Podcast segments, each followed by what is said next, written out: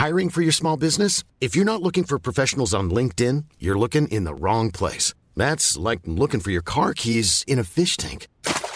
LinkedIn helps you hire professionals you can't find anywhere else, even those who aren't actively searching for a new job but might be open to the perfect role. In a given month, over 70% of LinkedIn users don't even visit other leading job sites. So start looking in the right place. With LinkedIn, you can hire professionals like a professional. Post your free job on linkedin.com slash people today. Nu kommer attack ifrån Sugarcane Hanover som går mycket, mycket fort tycker jag. Det är så fort så jag tror att Kallit kan få svårighet att svara. Sugarcane Hanover vänder ut och in på fältet. Startbilen är i rörelse till Svensk Travderby 1987. What the horse, what the driver, nummer ett McLobel och John D. Campbell. Maharaja la Suède, Maharaja s'est retrouvé, le retour, le comeback de Maharaja le 17 vid något tillfälle att jag trodde att det var en av de bästa hästar jag hade tränat för jag tolkade det på olika vis. Du behöver inte misstolka det längre för att det här är den bästa häst jag har kört och tränat någon gång. Me gusta, me gusta, me gusta! Un classico, no problem! Barenne, facile, alla me! Då säger vi väl hjärtinnerligen välkomna till årets avslutande podcast i Trottosports regi. Överlevde vi julen? Uppenbarligen. Ja, så är det absolut. Ja, Det är ingen tvekan. just det. Även annandagsrean som jag såg att du la ut någonting om eh, på sociala medier. Ja, jag var bara där för att eh, försöka få kaffekapslar till en kaffemaskin jag fick av hustrun i julklapp. Och de saknades då de här kaffekapslarna. Tänkte vi att vi åker ut och eh, fixar till det där. Och det var ju ett misstag naturligtvis. Det var kö utanför, det var kö invändigt. Jag konstaterade att de största köerna var vid avdelningen för mobiltelefoner. Okej. Kan tänka mig det. Men det blev kapslar till slut. Du fick det Ja, jag fick gå till en annan eh, ingång för att det var någon serviceingång en bit bort så fick jag stå i ny kö. Men det löste sig utan några större problem. Det var väldigt bra service där på serviceavdelningen. Det är därför det heter serviceavdelning gissar jag. Ja, det var ju... Vi var skull, faktiskt nej. idag på servisavdelningen på IKEA för att ordna en eh, eh, julklapp till svärmor och där var längsta kön faktiskt till restaurangen på IKEA. Det var väldigt lite folk inne på själva IKEA men så kom vi fram till en lång kö. Det visade sig att det var restaurangen så folk skulle väl äta något annat än julmat här och då åkte man till IKEA. Ikeas köttbullar. Jag misstänker det, det är annat än de köttbullar man äter på julen kanske. Ja, jultrav har det varit också. Även om vi väl slapp det på julafton. Eller var det tävlingen? Ja, faktiskt var det så att Ja. det vart inget Det var då. tomt i alla fall den svenska kalendern. Ja, då. men det Ja, men det var ju- trav att spela, absolut. För den som inte kunde låta bli så är även julafton inte helig på något sätt Ja, längre. men det var ju i Paris och det var ju i någon dansk stad. Ja, då. Det finns Vill man alltid så kan man. möjligheter. Ja. Ja. Eh, ja, men Solvalla som vanligt var det ju, ska vi väl koncentrera oss på. Eller var det något kul på i Umeå? Har det varit Umeå? Ja, det var en dag. Nej, det har jag. Nej, nej. Jag satt och tittade Jo, på omgången. jo, nu kom jag på det. Selmerio var ju lysande fin igen. Ja, ja. Ja, det var han ju. Han borde ju varit med i den där halvdassiga guldfinalen på Solvalla tycker jag. Visst var det 70 miljoner även på, på um, juldagen i alla fall i omsättning? Ja, Och sen och lite... ännu, ännu mer på annandagen. Ja, ja det... Hur mycket man än skojar om det här med, med alla V75 så... Ja, pengarna rullar, rullar in.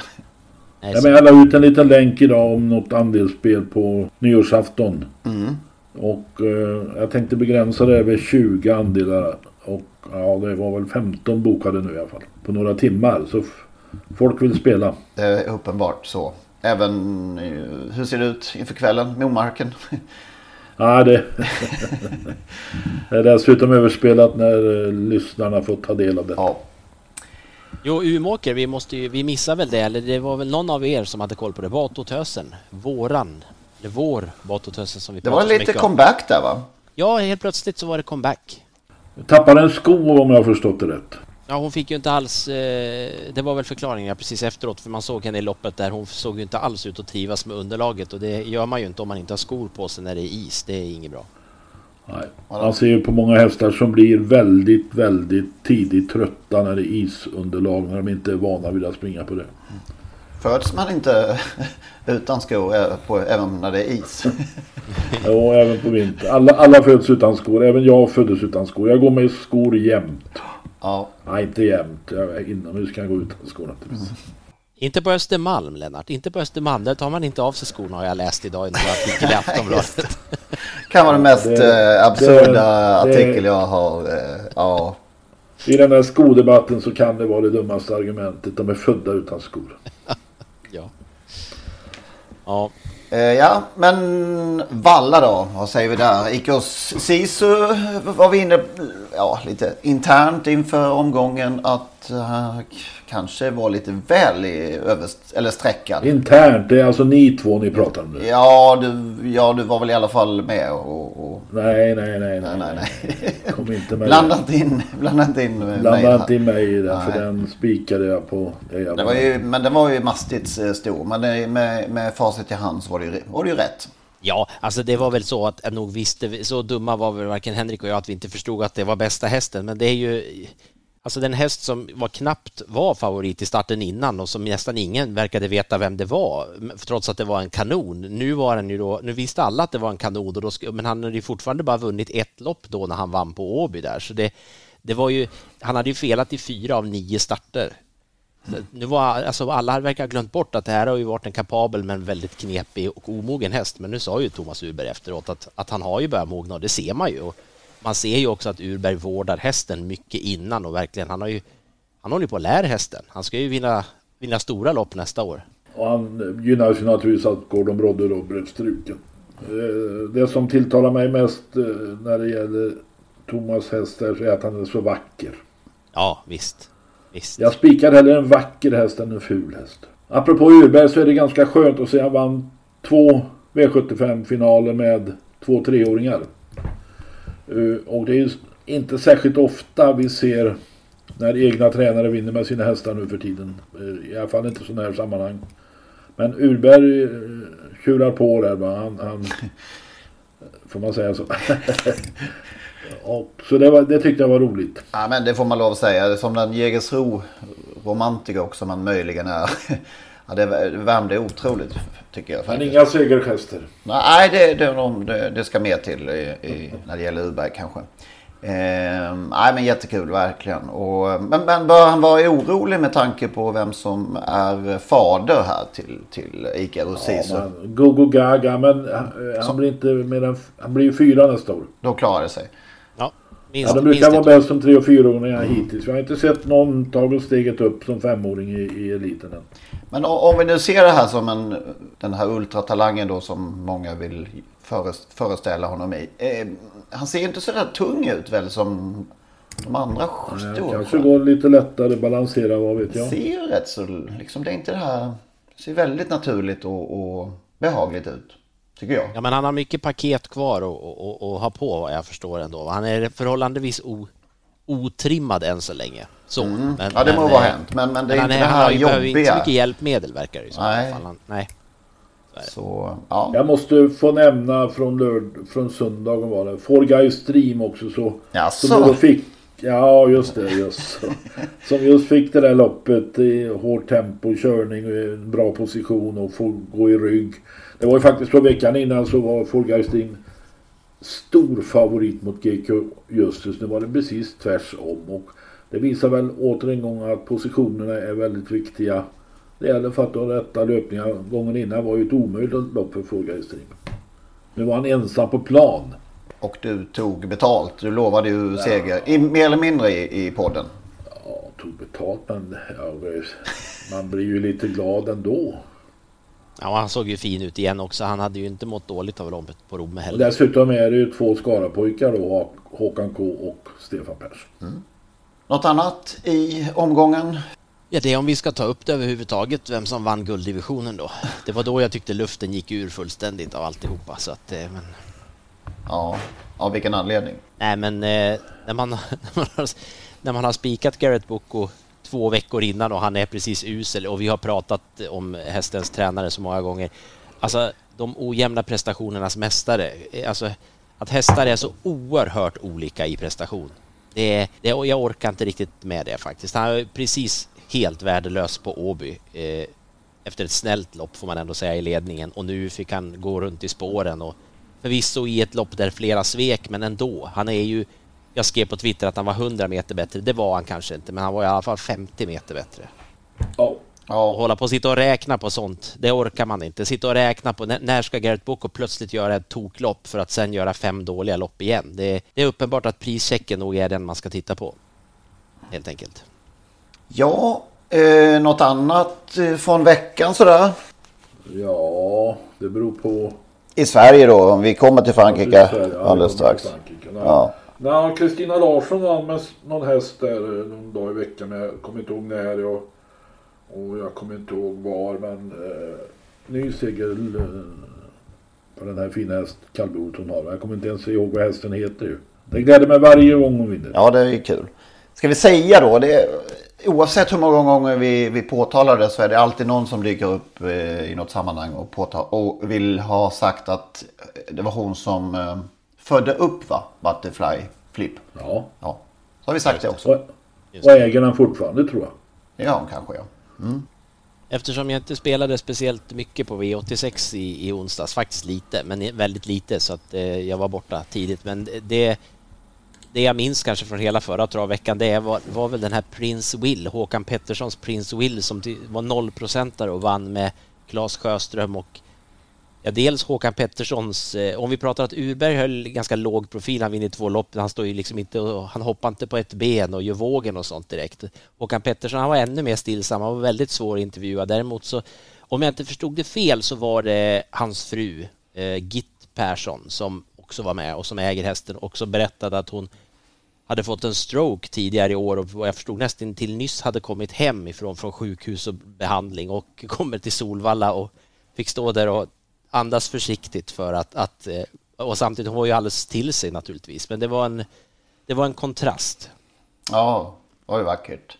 Ja, det var häftigt. Håkan Pettersson har aldrig varit de stora ordens Nej. man. Nej, men kommer ju från en fin travfamilj. Stall P, Ragnar mm. Pettersson och hans bror. Och Ragnar var ju med i Elitloppet och hade ju stjärnor. Janeville, Ecoville. Och senare också mycket bra hästar. Så att det där blått med pet på ryggen har varit med länge. Mm. Riktigt Lysjö-Kasper hette Kristina Larssons häst. Lysjö-Kasper. Ja, vad bra. Då fick vi det med det också.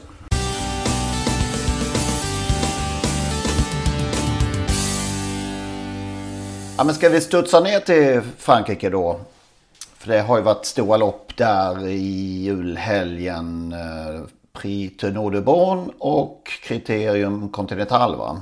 Ja, så var det. Kriterium Continental för de fyraåringar. Det var det största loppet penningmässigt.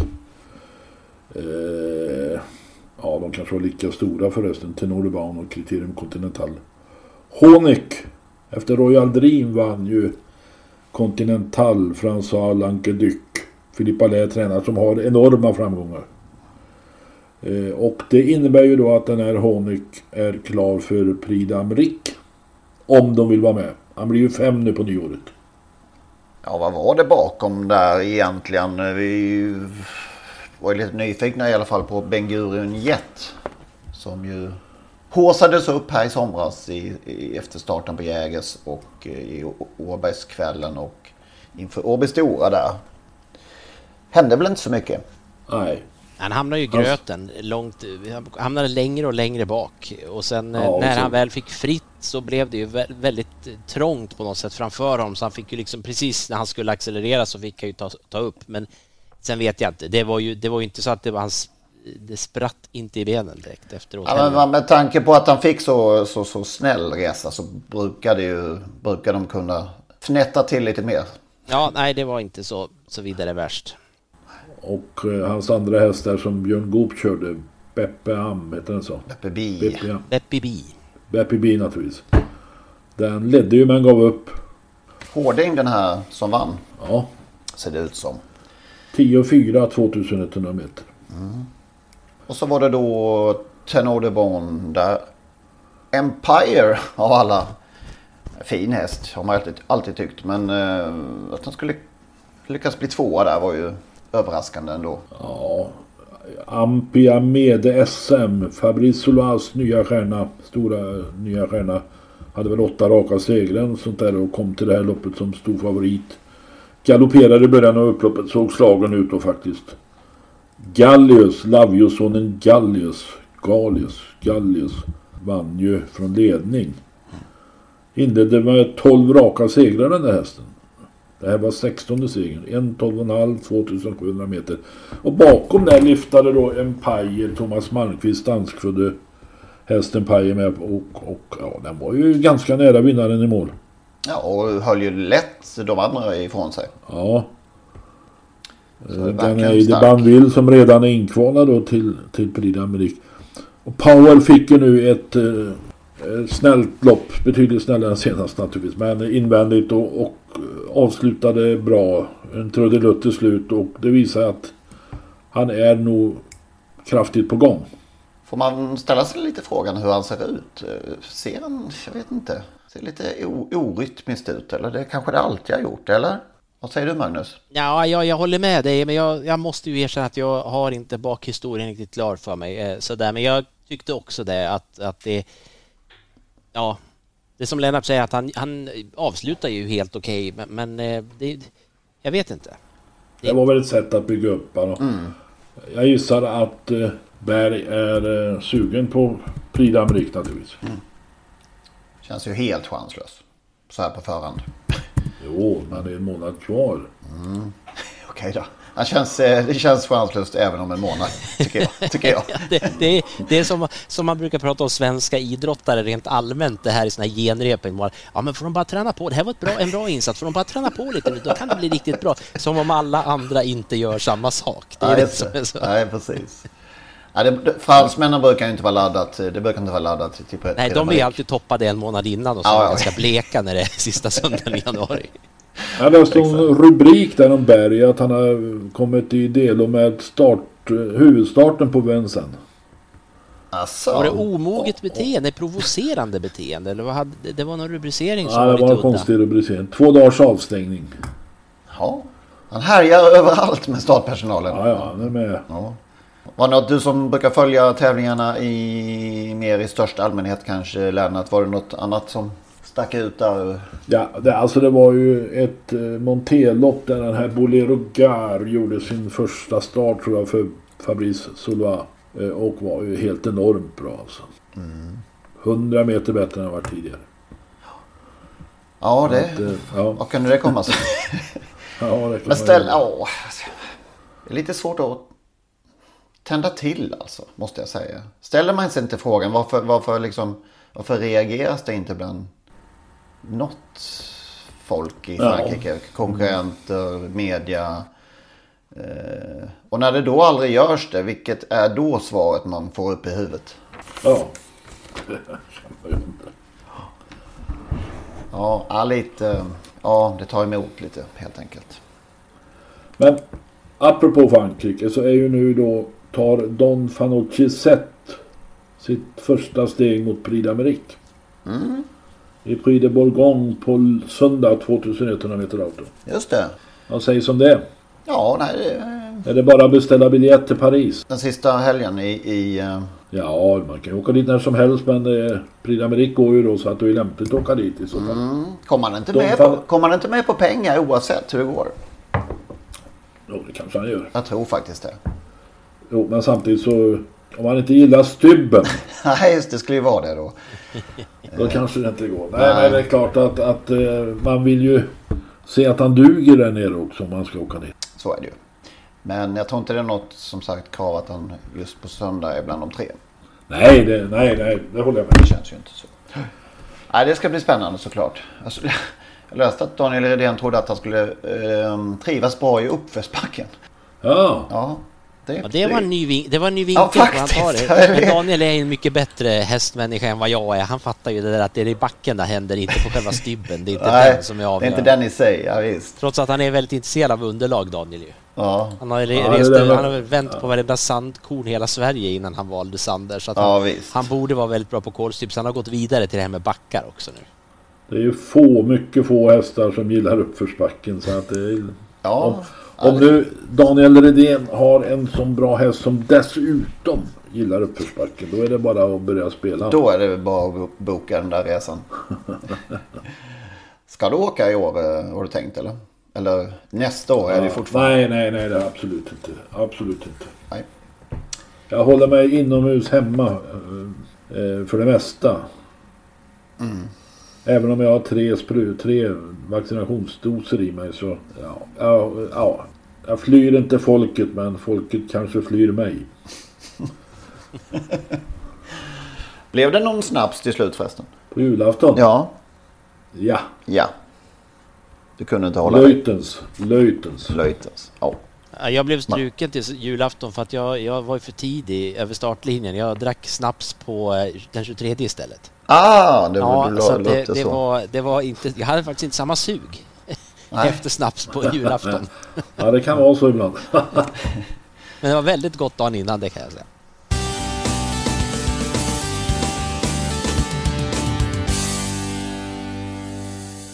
Ska vi ta ett, ett ytterligare Bo William Takter-minne?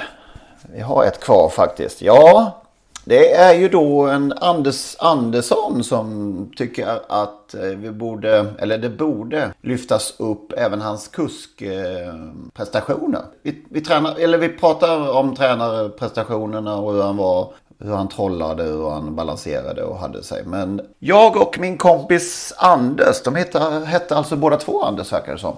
Flyttade till Lund för att studera i slutet av 70-talet. Det var innan pågatågens tid.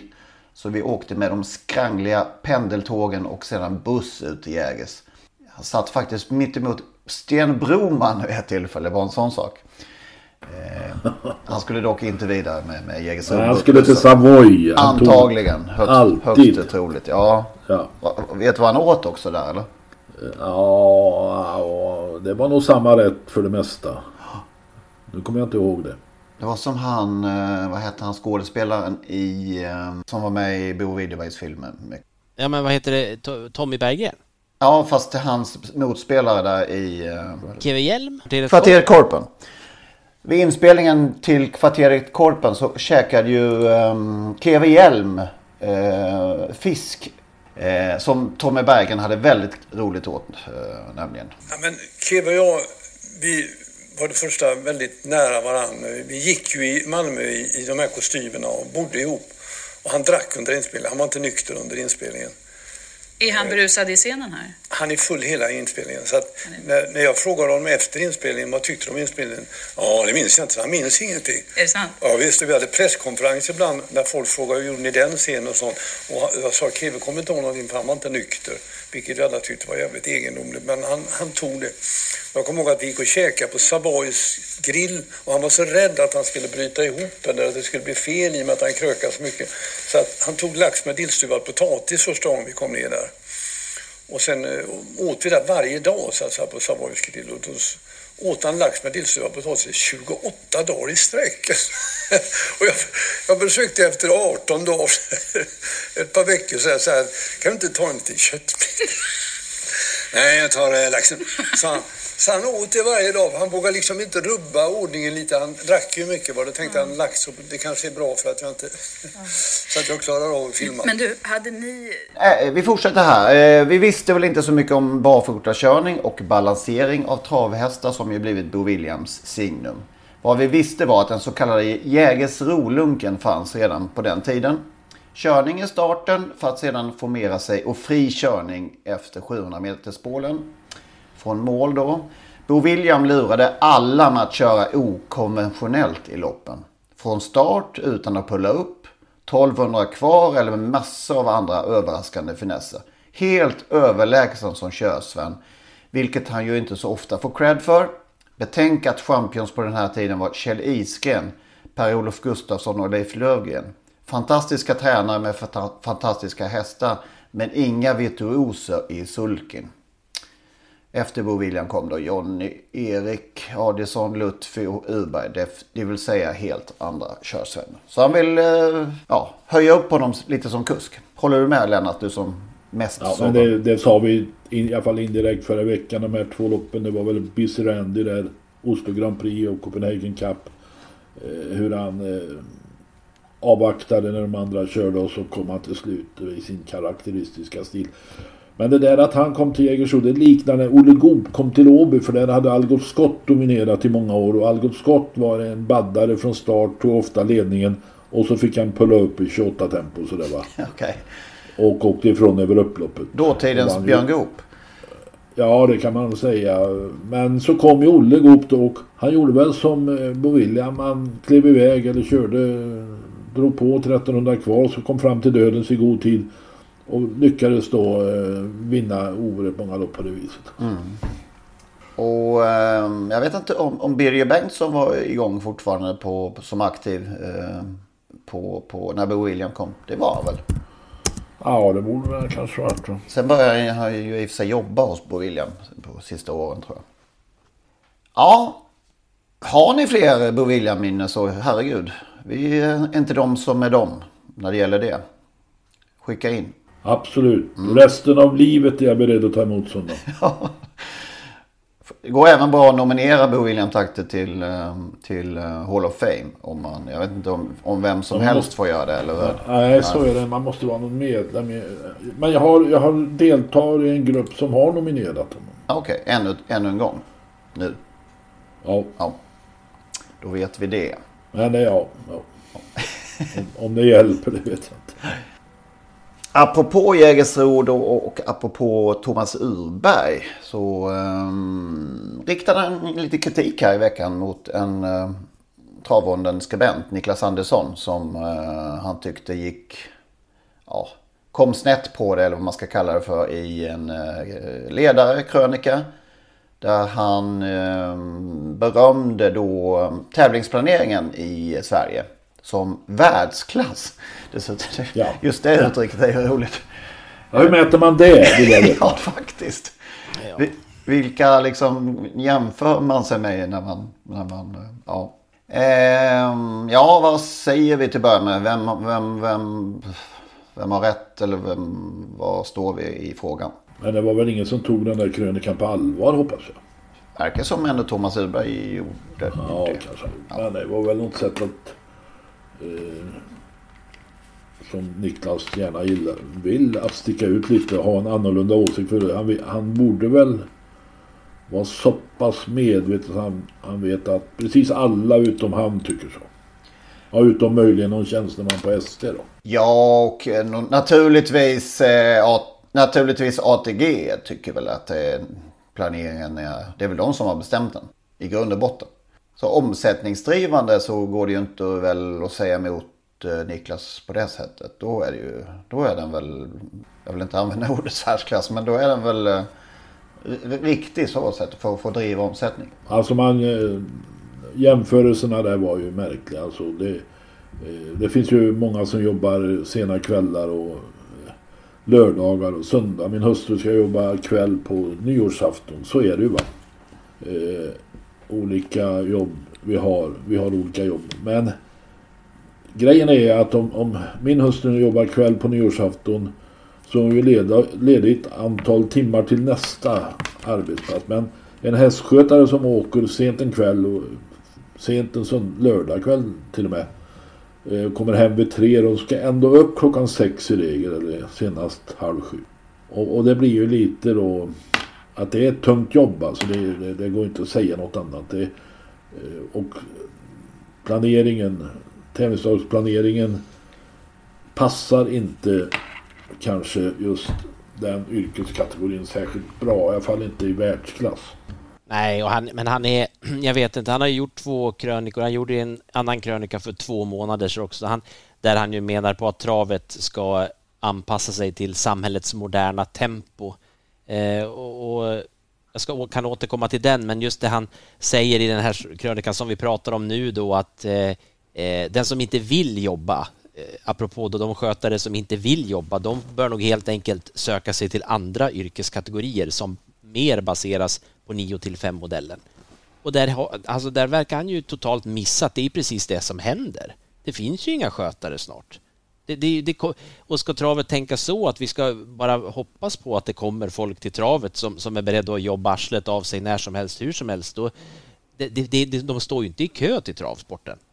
Så Nej, att, och, det, det är alltså...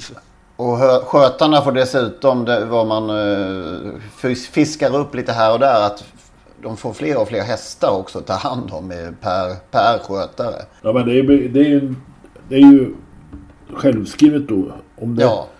Mindre skötare då får de andra som jobbar kvar mer att göra naturligtvis. Eller Mm. mer hästar att ta hand om. Och än slitsammare då för, för dem. eh, Och knappast mindre arbetstid heller då. Ja, men när jag började med det här så hade skötarna 6-7 hästar. I regel. Nu har de 10-12. Ja, Jag hörde talas om en, jag vill, jag vill inte hänga ut någon tränare här nu, men, men eh, som, där en eh, anställd på en filial hade 15 hästar eh, att ta hand om. Det är ju är dubbelt antal då mot, mot som borde vara det- normala kanske.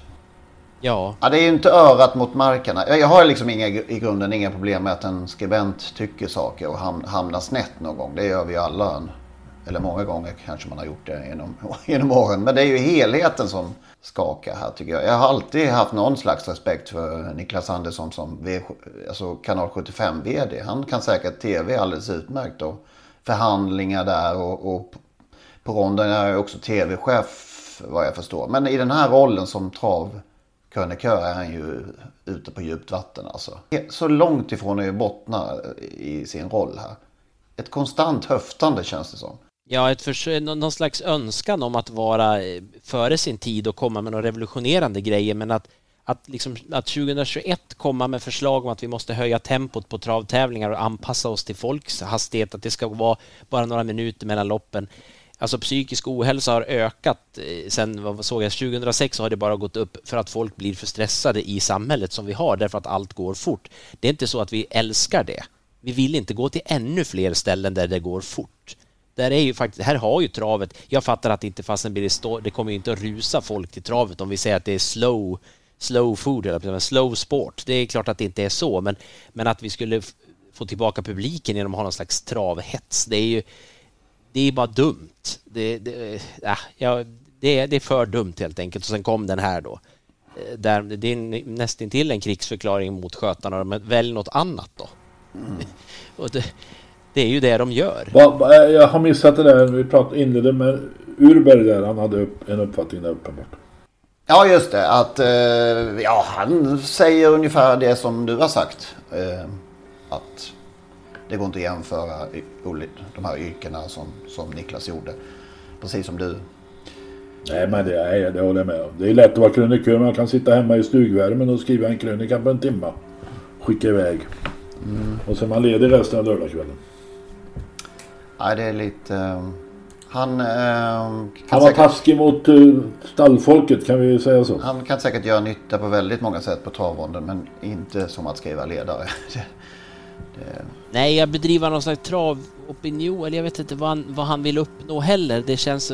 Är det hans... Det här är ju vad jag förstår är ju hans lösning på hur, hur svensk travsport ska vända lite olika trender. Och då tycker jag det är, som du säger Henrik, man kan tycka vad man vill och det måste man få göra. Det är ju högt i tak. Så är det ju. Men, men man måste ju vara, som du säger, man måste ju vara i verkligheten också. man Det- måste bottna i det man skriver i alla Ja, fall. Ja, ja visst. Det, det känns som att... eh, Ja, höfta sa du va? Det sa jag. Det tycker jag är, det är bra sammanfattning.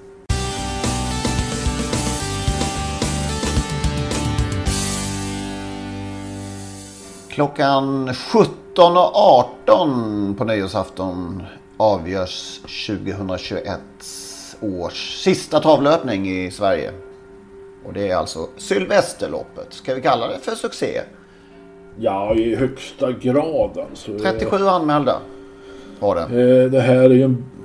Det har säkert kommit på många idéer under årens lopp på Axevalla trav men detta är nästan... Ja... Nu ska jag inte ta i för mycket men... eh, Slår det men, eh, Lillis eh, trippel, trippeltrav? Ja, trippeltrav men det största hittills, det är, eller ett av de största, det är ju stor, när Storchampionatet kom till i slutet på 60-talet. Nu har Axevalla uppfunnit ett nytt lopp, Sylvesterloppet, som vi hoppas blir en tradition. Och det är helt fantastiskt att de här 15 hästarna nu kan tävla om över en halv miljon på lö- på 500, fredagskväll. 537 629 blev det till slut. Och det har ju också då gjort att den här hela den här V75-omgången eh, helt plötsligt står i, i en fantastisk dag med så enormt många hästar anmälda i alla loppen. Ja, det var värst alltså. Otroligt. Och fem, tre 15 hästars lopp tror jag det var. Man blir alldeles yr i huvudet. Ja. det, Men eh, det är ju alldeles utmärkt att avsluta det. För det är väl avslutningen på den här vinter... Eh, vi- vinter V75 jackpotten då. ja, det får vi hoppas va. Jo, men det är det ju. Eh, Ja. Många miljoner extra är det? 83 när vi pratade tror jag. Men sen är det några tävlingsdagar emellan där. Just det. Då, då kan man vinna 83 om man blir ensam. Det är så det är va? Det är inte 83 miljoner i jackpot va? Eller? Nej, det kanske inte är. Nej, jag kan inte. Jag vet inte, men det är en jävla massa pengar vet jag. Ja, det är det mycket. Räcker. Och det här Sylvesterloppet, titta på det loppet alltså. Det är ju så läckert så det är inte. Har du, har, du, har du grottat ner det nu i, eller, eller haft en kväll i badkaret så att du kan... eh, Nej, jag, alltså jag har ju blivit oduglig travtippare sen vi flyttade och lämnade badkaret i vårt gamla hus. Ja. Ja, Du hade ju en klar i, i lördags där i Four Guys Ja. Stream. Så att kanske är på väg uppåt då. Det tror jag. Ska vi återkomma till eller, eller ehm, vill, du, vill du Du, dra det du nu? är välkommen. Ja, vi återkommer då. Så kör vi emellan med um, vårt nostalgiblock. Och minns tillbaka ehm, till en alldeles enastående förtjusande trav, travare. Från mitten av 90-talet ungefär. Så här låter det i två av de lopp som han vann. Som inte ikke hadde noen problemer med å erobre teten. Og da vil jeg faktisk tørre å våge påstanden at dette løpet er kjørt. For nummer én Gentle Star den er mye bedre enn disse konkurrentene. Nummer én Gentle Star får nå takker Gunnleif Tollefsen for følget. Vips så er Gentle Star ti meter foran fire Broken Nose og sju Tyonik. Inn på oppløpet i eh, stor stil.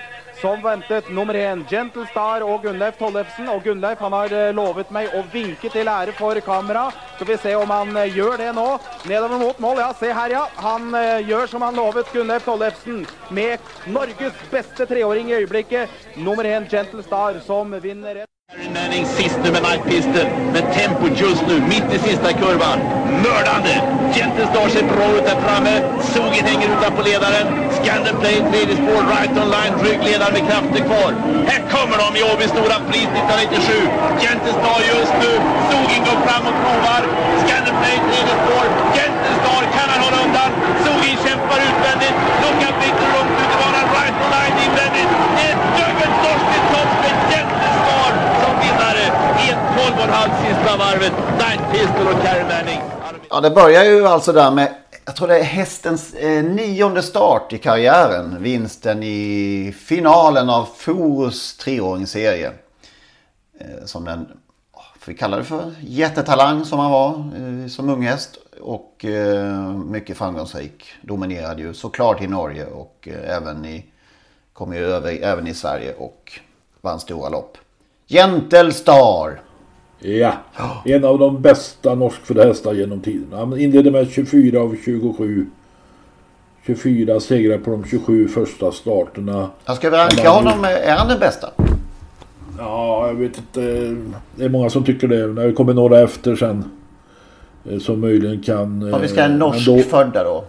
Ja, då var han utan tvekan den bästa norskfödda. Även om Rex Rodney också var norskfödd. Eh, han vann ju både norsk kriterium och norsk derby. Och så kom han till Solvalla, Solvalla Grand Prix där som fyraåring. Men sen eh, var han väl nere på Jägersro där. 1.30 man spelade i det här V75s jubileumslopp. Kanske var v, ja, V75 var det väl då. Galopp. Eh, fortsatte som femåring, vann Forus Open på hemmaplan. Tvåa i Oslo Grand Prix efter Sugin. Och vann jubileumspokalen på Solvalla. Det är ju mitt största minne solklart av honom. En stekhet, som jag minns det, augusti lördag 1997 när han eh, från ledningen i sin lufsande härliga stil ju bollade med eliten. Sogin bland annat och Right Online och vad det var. Eh, då var han ju enast, då kanske han var på absolut, absoluta toppen innan, innan, innan det sedan blev, hände som det hände. Ja, Åby Stora Pris där. Där han var två i försöket. Han körde lite försiktigt och Gunleif Tollefsen. Just det, det var de åren där det var försök och final över medeldistans. Ja, Ja, vann finalen när tog ledningen från Right Online som släppte och vann finalen före Right Online. Dubbelt norskt. Eh, alltså sen, alltså det var mest, minst, minst, allra mest kanske var när han galopperade bort sig i Elitloppsförsöket. Och gjorde en sån makalös upphämtning men ändå inte lyckades ta sig till final och det kändes jävligt surt. Vad blev han i, var han fem? Jag tror han var femma i försöket. Aj, aj, aj. Jag var och hälsade på Gunleif Tollefsen. Eh, Uppe i Stavanger inför Åby Stora Pris var det då naturligtvis. En sällsynt fin man faktiskt. Eh, underbar att träffa. Och han visade sina hästar och hur han tränade. Han tränade framför flakvagn. En sån där som man har och kör hö hemma hos morfar och mormor om, ni, om de bodde på landet. Bland annat. Och, och eh, han, alltså, han har ju varit stor. Över 2300 segrar tror jag. Och sånt där. Och, och eh, det här var ju hans stora stjärna i livet naturligtvis. Eh, jag ser idag att han tränar tre hästar och har vunnit några lopp även i år. Han eh, fyllde 70 i fjol.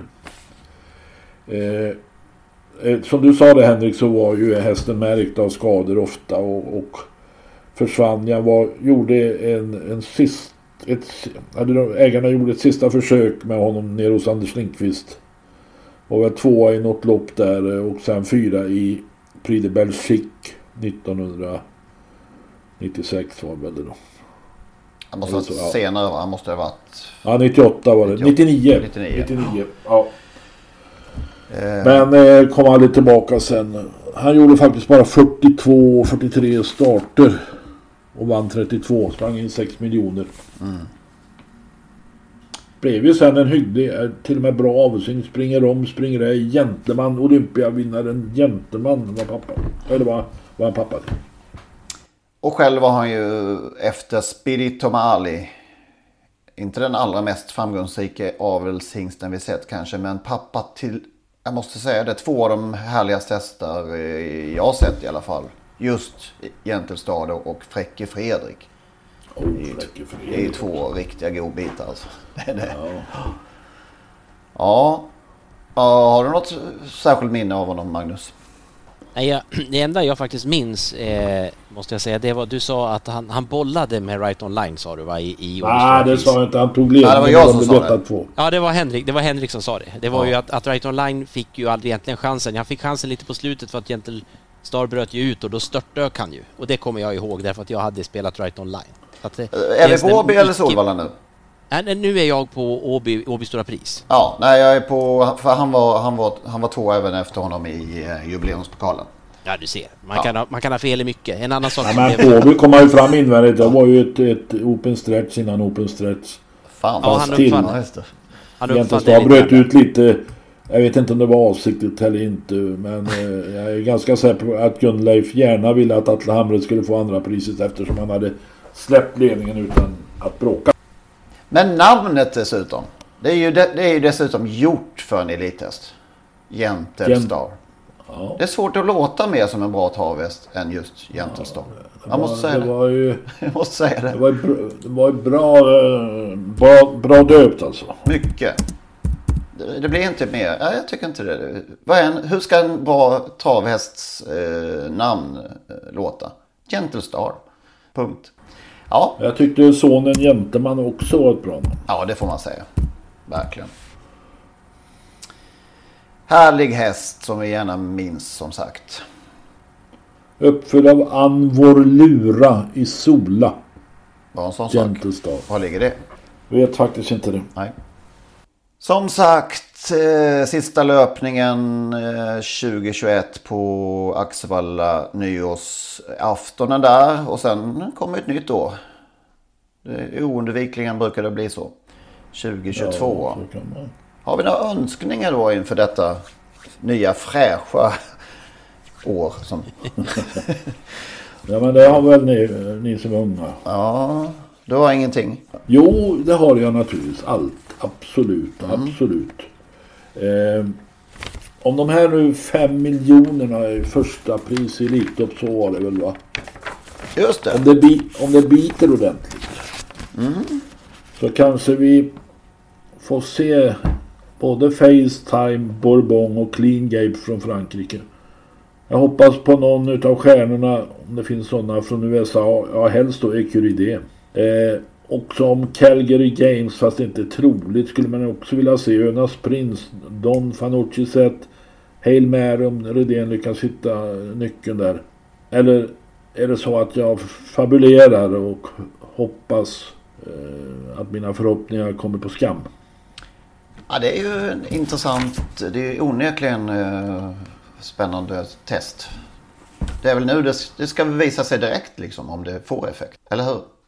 Ja, det är ju det är knappast så att det är en lång, alltså visst det kan ju vara långsiktig, långsiktig satsning också, men nog börjar man få riktig effekt första gången. Det är, mm. det är ändå en hyfsad förändring. Det är inget som ska byggas upp. Det här. Nej, nej det, här är, det här är Elitloppet är förhållandevis etablerat för att... Ja, det ska säga pang direkt ju. För, ja. Sen kanske man är överoptimistisk och tror då att eh, Calgary Games ska vara redo. Ja, det beror ju på helt på Timo Nurmos eh, politik höll jag på att säga.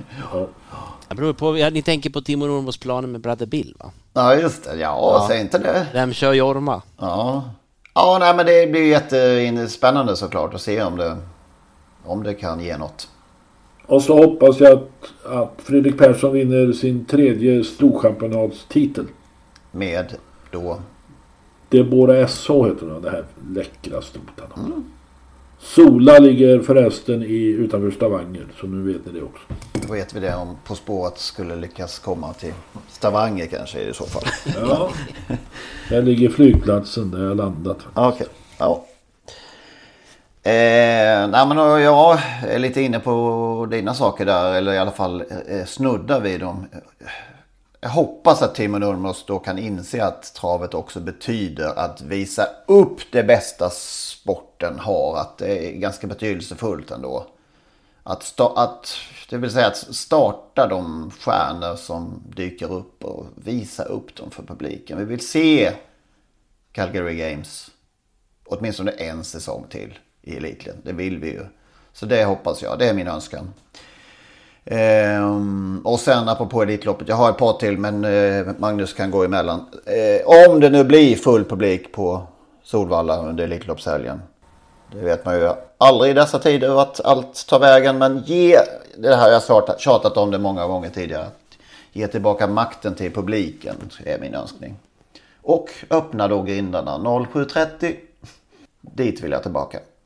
Så att det blir, ja, man får den här unika grejen som Solvalla hade men valde att lämna ifrån sig.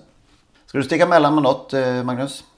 Ja, jag tänkte bara säga, jag tycker att det där är ju den, den önskan du har haft förut. Jag tycker det är verkligen en stående önskan som man kan ha varje, avsluta varje år med. Varje avsnitt kan man just det. ja. ja, nej, jag tycker det, det, jag håller med dig. Att, att travet faktiskt vågar använda de saker som travet har varit bra på och som har varit unikt och att inte anpassa allting till, till det man tror ska vara. Men det, det, har det, vis, det, har ju visat sig att det inte är någon bra strategi. Nej, Nej det, det, är så. Man måste våga tro på den egna sporten. Det är ungefär som när längdåkningen börjar hålla på med hopp i, skid, i, i längdtävling för att man tror att det skulle kunna bli någon slags höja intresset för längdskidåkning. Man måste tro och vara stolt på, för sin egen Eh, sport. Nej, eh, ja, även om det kanske inte skulle vara jättebra publicitet för travsporten så har jag ändå en önskan och det är att, att STs arbete nästa år med eh, detta att, att hitta fuskare som dopar. Det vore fantastiskt kul trots allt om man faktiskt fick tag i någon och satte dit någon ordentligt och skrämde upp dem som eventuellt håller på. Eh, för det är, tycker jag, trist. Bara snacket som är, är tråkigt att det pågår fusk men ingen åker dit. Så antingen får man bevisa det eller så får vi tro att det inte är någon som fuskar och det hoppas jag nästa år. Ja, jag var inne på det också i en önskan här att hoppas få se färre manipulerade lopp som jag hade uttryckt det. Eh, jag noterade för övrigt att det var blott 27 out of competition tester gjorda i november. Jag Blir lite brydda efter ord om vilken kraftansträngning som man nu gör. Eh, det var dessutom uppföljningslöpningsfinal eh, i november ju. Så lite, ja, jag är, med, jag är med på dina ord där helt enkelt. Ja, och vi, man kan ju undra, det, det var väl, var vi ju vid sidan om, höll jag på att säga, innan inspelning här. Man kan undra hur det var under julhelgen, om det var, var så stort intresse under julhelgen att titta på de hästar som eventuellt skulle åka till exempel till Solvalla och sånt. Det är som du säger, man blir, det var ju fantastisk marknadsföring av den här eh, eh, vad heter det, dopinghunden eller antidopningshunden. Fantastisk publicitet för svensk travsport. Så mycket publicitet. Ja, precis. Så mycket publicitet har inte travsporten fått på länge. Eh, som, och sen men alltså det måste också, inte just bara Lycke måste lyckas, utan det får inte bara bli en grej att man fick, fick mycket media på det, utan att man kanske måste testa lite mer som du säger, och competition där. Det, det, det var ganska... Ja, det skrämmer ju knappast de som fuskar om, om det inte görs så många sådana tester. Så att, det är en jäkla tråkig önskan kände jag bara. Fasen vilken trist. Jag borde ha kommit på något roligare, men jag, jag blev så märkt av den här annandag juls gulddivisionsprestationen så jag, jag, jag fastnade i jag säger som, eller inte som Lennart, som Lennart hatar att säga. Jag landade i att, att det var det här. Ja, men du, är, du är ju kommunbyråkrat så du får använda sådana. ja, det, det är så vi pratar på kommunen. Ja, eh, då borde jag ha en massa kommunvinnare till nästa år kanske också. Eh, nej, men om jag ska önska något, jag, jag tycker det var en bra önskan. Det, det vore ju, fan, som, som ni sa, jag hänger på den så kanske den slår in, men att det vore ju kul om, om den här fem miljoners checken i Elitloppet också drev fram ett, ett riktigt, riktigt bra, alltså att det blev ett Elitlopp. Annars det, är det vore förbannat. Annars är ju pengarna bortkastade. Ja, det vore ju trist om det var stängda läktare och ett svenskt mästerskap med fem miljoner. Det, det vill vi ju inte ja, se. det kan vi ju inte råda över om det Nej. Men om, om det inte blir ett, ett av de bästa Elitloppen på väldigt, väldigt länge så är det ju, då är det ju inte bra. Då är det ju felplacerat. Ja, då, bör man, ja, ja, då får man börja tänka på andra, andra lösningar. Då är det något Jag har, jag har en annan önskan. Jag, jag, jag känner jag vill ha något positivt ändå. Eh, jag fortsätter ändå tjata om det. Jag önskar att 2022 blir det år där man lanserar ett lopparkiv med historiska travlopp. Vi ska inte behöva sitta och leta efter grumliga VHS-kopior på Youtube och titta på Gentlestar, utan det finns ju bra. Det finns ju bra inspelningar av många lopp. Se till att få ut dem också.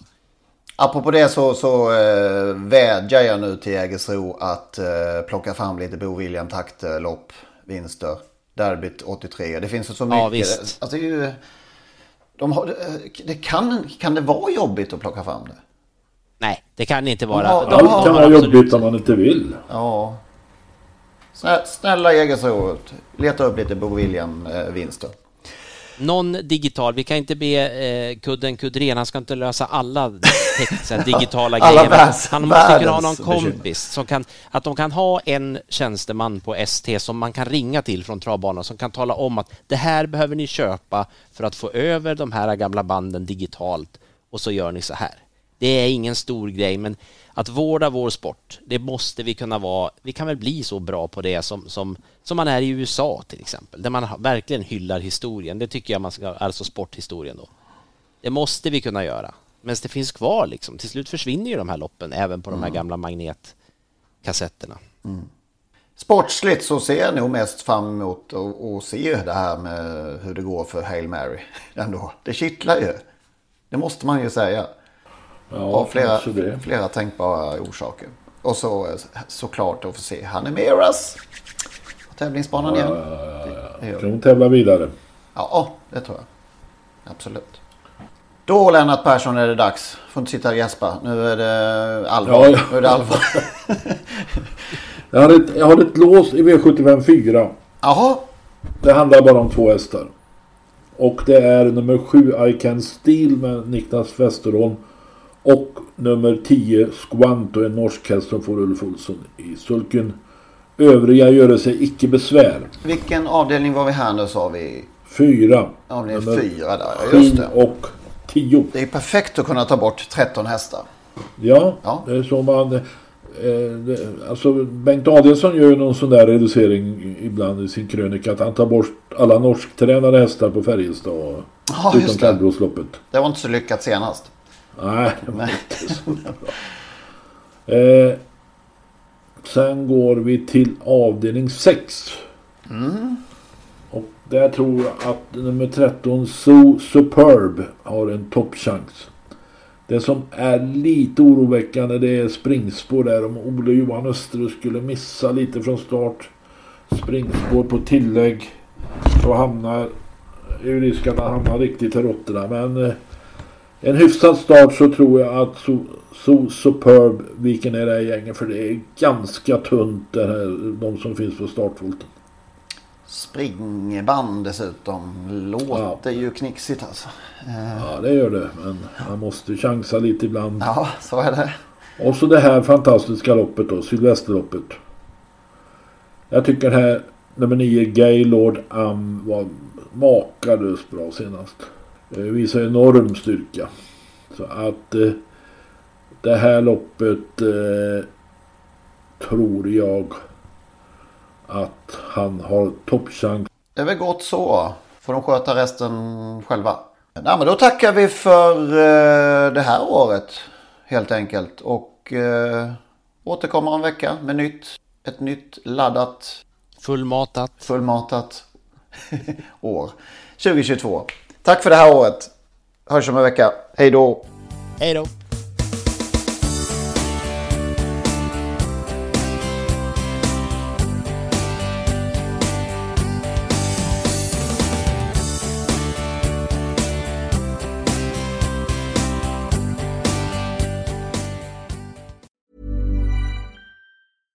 Hey, it's Paige DeSorbo from Giggly Squad. High quality fashion without the price tag. Say hello to Quince. I'm snagging high-end essentials like cozy cashmere sweaters, sleek leather jackets, fine jewelry, and so much more. With Quince being 50 to 80% less than similar brands. And they partner with factories that prioritize safe, ethical, and responsible manufacturing. I love that. Luxury quality within reach. Go to quince.com slash style to get free shipping and 365 day returns on your next order. Quince.com slash style.